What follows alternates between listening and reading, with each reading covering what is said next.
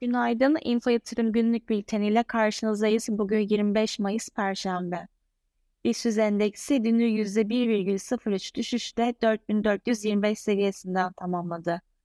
Belirsizliklerin endeksi baskılamasıyla endekse düşük hacim ve düşük momentum devam etti. Bugün TCMB politika faiz kararını açıklayacak.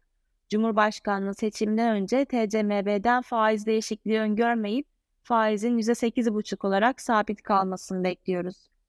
Cumhurbaşkanlığı seçiminde %50 sınırını geçen hiçbir adayın olmamasıyla pazar günü Cumhur İttifakı adayı ve mevcut Cumhurbaşkanı Erdoğan ile Millet İttifakı adayı Kılıçdaroğlu yarışacak. Bu süreç içerisinde para ve maliye politikalarında iki ittifakın görüşlerinin farklı olması ve seçim belirsizliği piyasalarda belirsizliği artırırken PPK'dan da bu belirsizlik nedeniyle faiz değişikliğe gidilmeyeceğini öngörmekteyiz.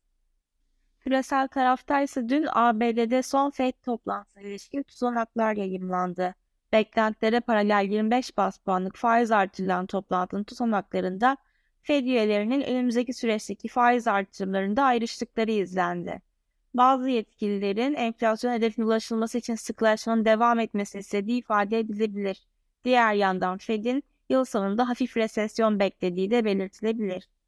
Bugün ise ABD'de birinci çeyrek büyüme verisi açıklanacak. ABD'nin temelde düşüp düşmeyeceği ve borç limiti hakkındaki anlaşmazlıklar piyasalar yön arayışını devam ettirirken beklentiler ABD'de büyüme verilerinin %1,2 olarak açıklanacağı yönünde. Bu da büyüme verisinin geçtiğimiz çeyreğin altına yer almasına neden olurken mali krizin beklenenden daha fazla ekonomiyi etkilediğini gösteriyor verinin beklenti altında kalması durumunda globalde risk iştahını yüksek görebiliriz. Kısa vadeli endekste 4495, 4565 ve 4600 seviyeleri direnç, 4385, 4350 ve 4280 seviyeleri destek olarak izlenecek. Borsa İstanbul'un güne yatay başlamasını bekliyoruz. Müzik